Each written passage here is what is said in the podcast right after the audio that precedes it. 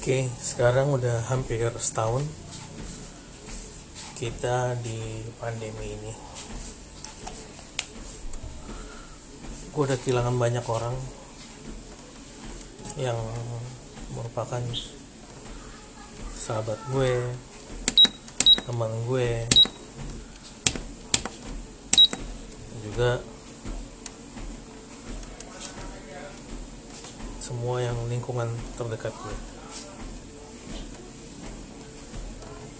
Covid itu serem banget, serem banget. Dia itu bisa nyamar dan dia sangat-sangat apa namanya ya, cepat banget nyebarnya. Jadi ini kejadian nyata.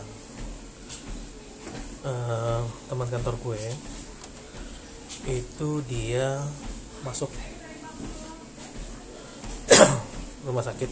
Karena awalnya dibilangnya sakit. Tipes karena kecapean. Terus gue taunya di grup WA kantor. Nggak berapa lama kok nggak ada kabar tentang anak ini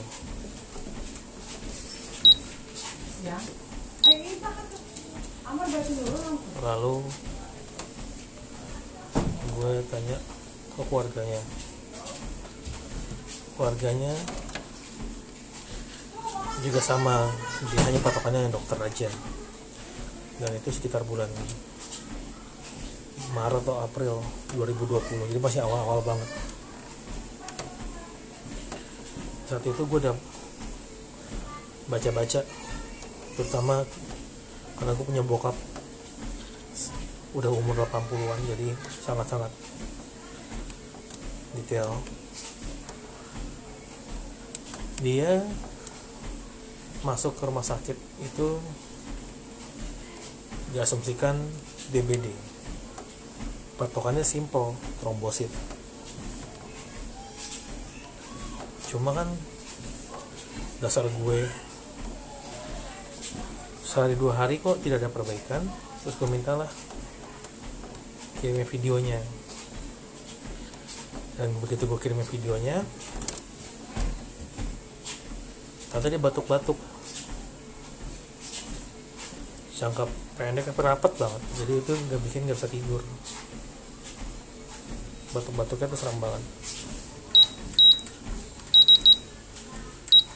Gue pun memutuskan untuk minta tolong temen gue atau istrinya untuk cek paru. Bahkan gue bilang kalau emang gak ada duit ngomong. Gue yang ngatur. Begitu dicek paru bener. Parunya problem. Parunya problem. Dan itu parah banget. dan itu parah banget parunya baru gue minta dicek uh, dengue-nya. Yang gobloknya rumah sakit tuh hanya berpatokan pada trombosit. Lalu setelah dicek dengue-nya benar dia negatif. Itu baru permasalahan pertama. Permasalahan berikutnya muncul. Dia positif covid di saat belum banyak rumah sakit yang provide covid. Jadi itu problem tersendiri mencari rumah sakit rujukan. Gue nelfon semua rumah sakit yang gue kenal.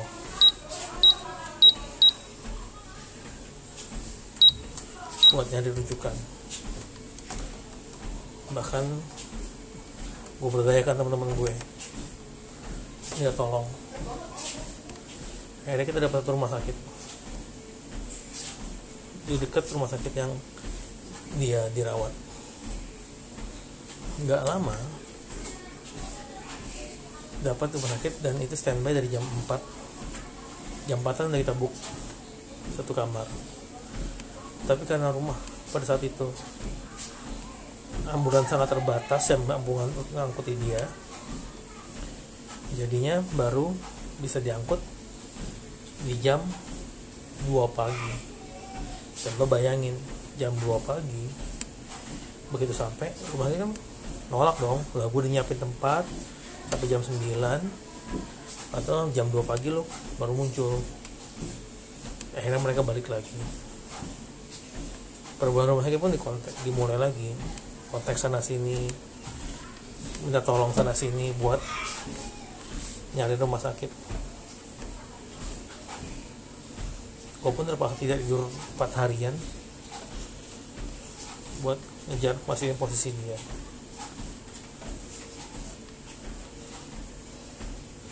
satu sisi dia nggak tahu kalau istrinya tuh luar biasa banget.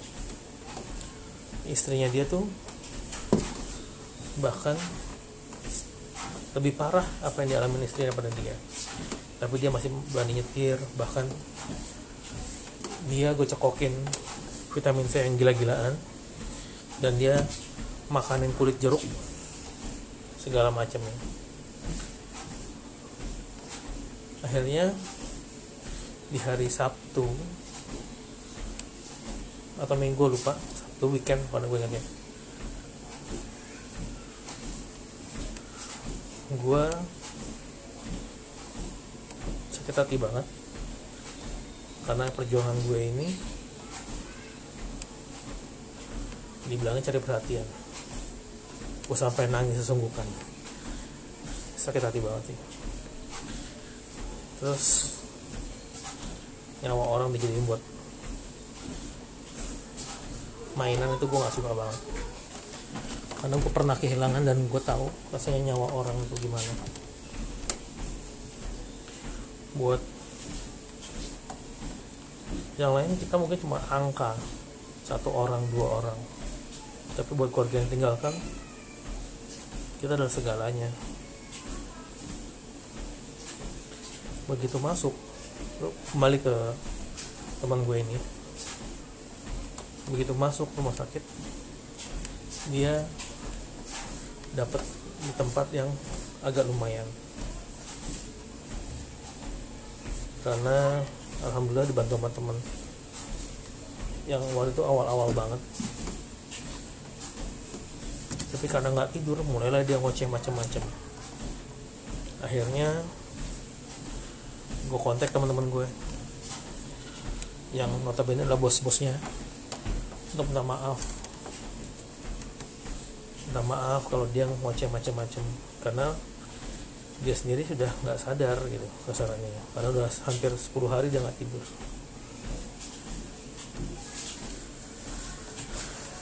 dia pun teriak-teriak di rumah sakit. Dan minta keperluannya macam-macam dan gue supply semuanya. Yang alhamdulillah dibantu sama teman-teman. Dari segala macam roti, selimut, apalah segala macam.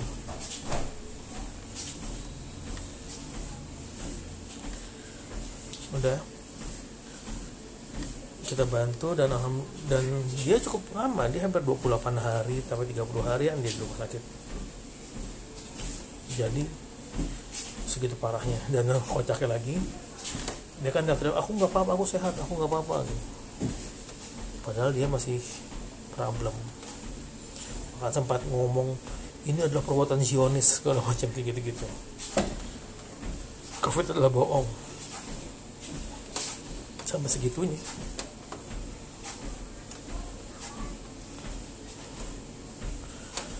Jadi covid itu bukan mainan banget. Nggak berapa lama setelah 28 30 harian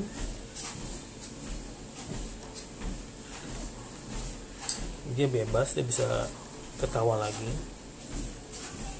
cengengesan lagi berdebat tentang presiden pilihannya dan yang selalu seperti biasa berbeda dengan pilihan gue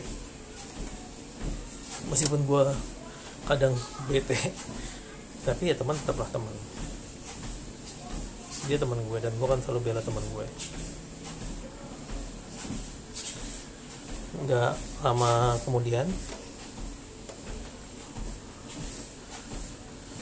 karena gue biasa di situ megang itu akhirnya gue bikin lah relawan yang buat bantu-bantu identifikasi COVID terutama karena gue bukan dokter yang paling gue bisa bantu adalah support makanan untuk orang-orang yang diisolasi.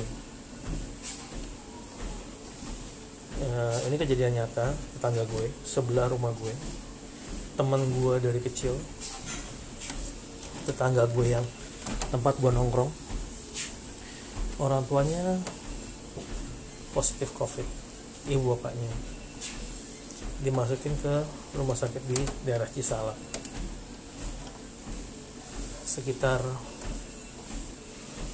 jam sekitar jam 5 sorean. Di hari Senin gue baru tahu. Ternyata nggak lama mereka berdua dimasukkan ke ruang isolasi yang terbeda berbeda berbeda kamar padahal di depan-depanan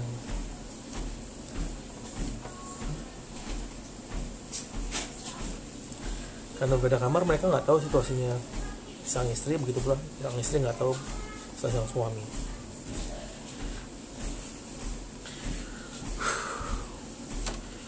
Sekitar hari Rabu atau Kamis sang suami meninggal dunia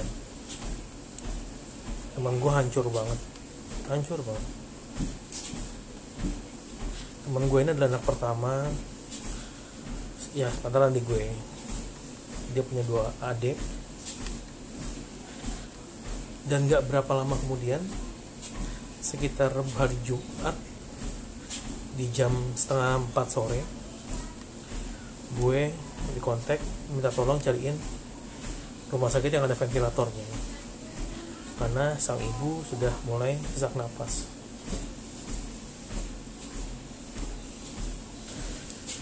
Itu gue coba kontak semua telepon gue cuma pada saat itu di periode Juni atau Juli 2020 susah banget dapat rumah sakit yang menyediakan itu.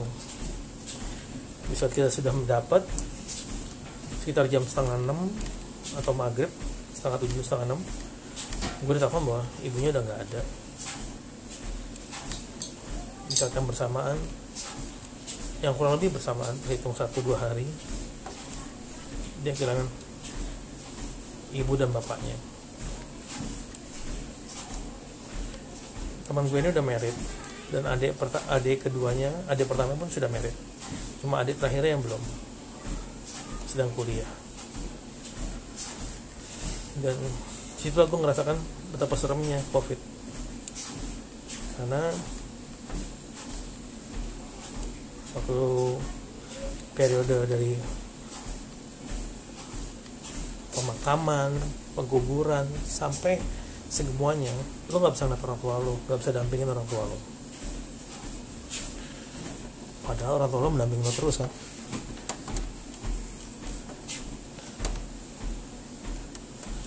jadi segitunya gue takut sama covid.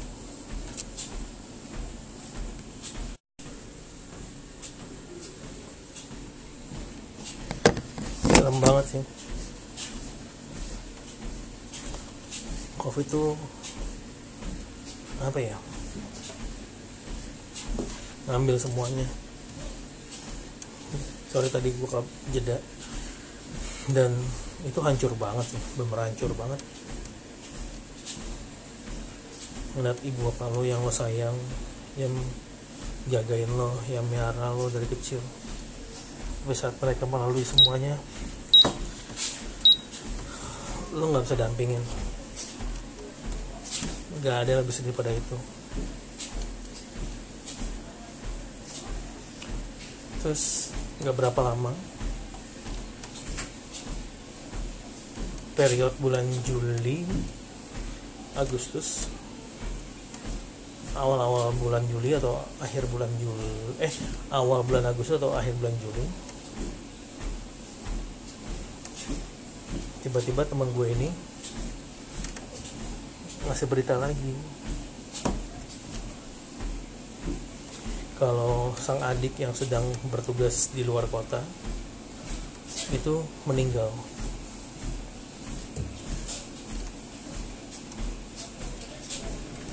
Jadi di periode ini COVID-19 dia kehilangan tiga anggota keluarganya. Dan itu nggak ada yang lebih pedes sih.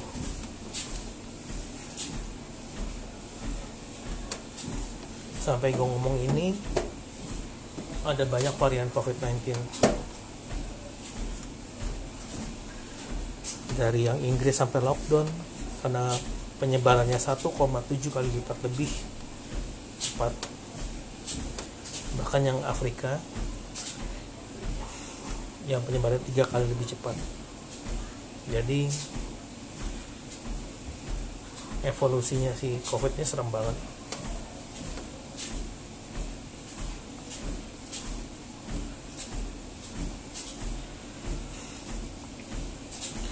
Tapi jangan sampai ini menghilangkan optimis kita. Karena bagaimanapun kita manusia harus tetap berpikir positif dan optimis.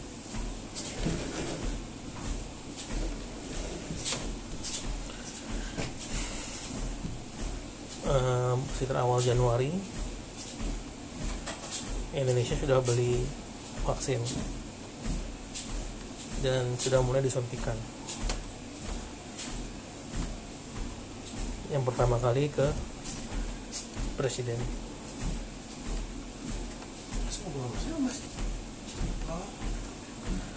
Vaksinnya sendiri ada banyak macam. Dari Sinovac yang dari China dengan tingkat akurasi 50% ada juga yang dari Eropa tapi itu masih mungkin bulan Februari atau Maret. Itu Pfizer dengan Moderna yang tingkat akurasinya itu mencapai 90% tapi tadi resikonya pun lebih tinggi yang Sinovac maupun Moderna. Eh sorry Moderna dan Pfizer. Sinovac tingkat meskipun dia hanya 60 persenan efektivitas vaksin tapi dia tidak berisiko. Risikonya sangat rendah sekitar 0,5 persen. Sementara Pfizer dia tingkat risiko 1,5 eh 1,6 persen dan Moderna 4 persen. Teknik pengembangannya beda. Kalau Sinovac dengan kelemahan virusnya sehingga antibodi kita terlatih. Kurang lebih sama kayak flu. Cara dia imunisasi dulu zaman dulu kita vaksin terus dia sudah dieksekut di Wuhan dan segala macamnya di China. Dan kemarin sebelum ke Indonesia dicoba di Turki dan Brazil sementara yang paling hype sekarang adalah Pfizer. Pfizer itu Eropa hampir semua pakai Pfizer. Amerika juga. Kelemahannya Pfizer adalah dalam hal pengiriman dan packagingnya. Pfizer itu harus disimpan di kulkas yang sangat dingin. Minus I don't know sekitar 50 sampai 70 derajat. Karena kalau enggak dia akan rusak.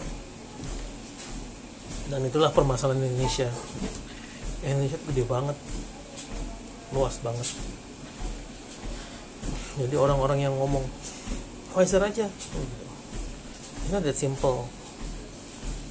Lo untuk sampai ke pegunungan Papua atau Jawa aja lo harus berjalan yang sangat jauh. Dengan bawa virus yang dengan pendingin itu sangat-sangat susah dan bahkan nggak mungkin. Orang bisa ngomong sana diri karena orang itu belum jalanin. Yang lebih serem lagi adalah ini merupakan pilihan yang harus diambil secara segera. Bahkan Pfizer aja pada saat masuk ke Indonesia mereka minta rilis close atas semua kejadian. Alias nggak mau disalahin kalau ada apa-apa. Ya itu menjadi hal yang bisa dimengerti. Karena semua mengerjakannya secara buru-buru dan segera karena si covid ini segitu seremnya.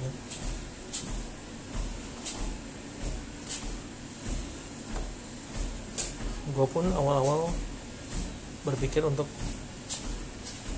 kok Singapura kalau Australia buat vaksin bapak terutama yang berumur 80-an yang punya penyakit penuningnya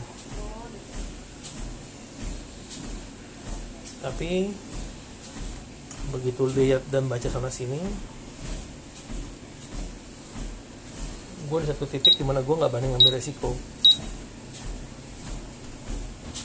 Apalagi mempertaruhkan nyawa orang tua gue.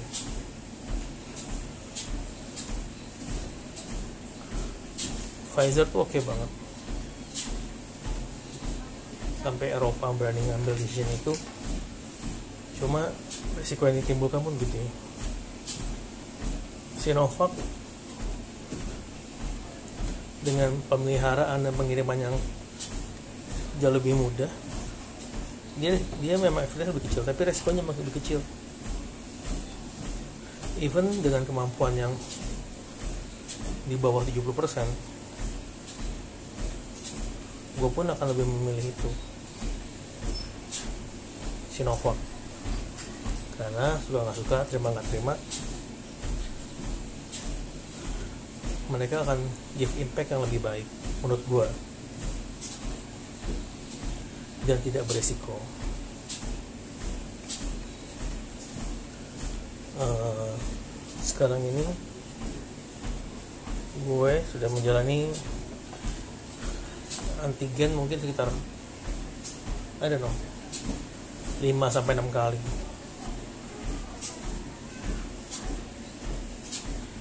Dan ke depannya akan menjadi hal yang biasa untuk melakukan itu. Karena ya segitu seremnya. Bahkan kemarin waktu ajang nikah gue antigen semuanya. Dari make up artis io segalanya gue antigen.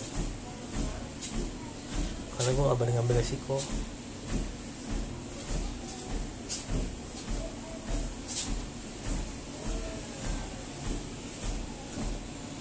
Well covid-19 lu telah buat gue setahun di rumah. Gue mungkin benci lo tapi gue terima kasih sama lo. Karena kalau bukan sama lo kapan lagi gue bisa melihat tumbuh kembang anak gue akrab sama keluarga gue yang setahun gue di bener di rumah. Yang biasanya gue cuma ke rumah ke rumah tidur doang. Weekend pun ngerjain event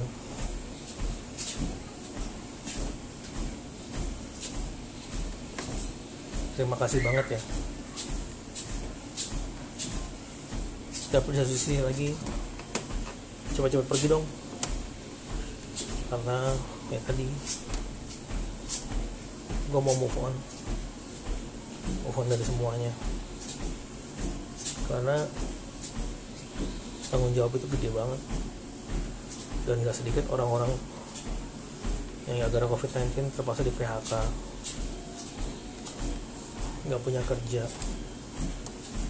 Kesulitan dalam hidup. Bahkan ada teman gue yang terpaksa putus sekolah. Gara-gara nggak punya duit.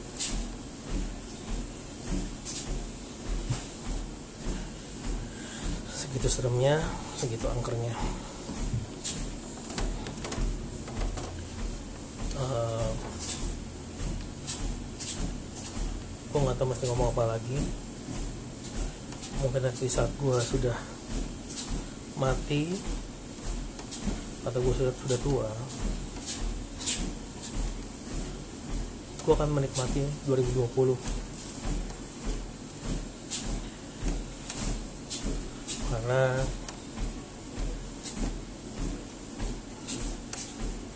dua ribu dua puluh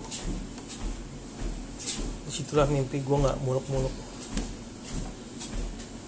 terwujud gue nggak mimpi kaya. Gue nggak mimpi pangkat. Mimpi gue yang paling terwujud adalah gue bersama keluarga gue bisa terus sehat dampingin bokap gue terus selama dia ada dampingin anak gue terus dengan pertumbuhannya. Yang gue baru tahu dia bisa nyaplakin omongan YouTube dan dia semakin pintar.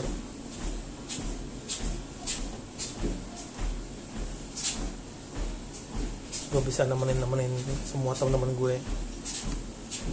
Nggak hanya yang lagi sukses tapi juga yang lagi berjuang. Terima kasih 2020 sampai jumpa lagi ya. Dadah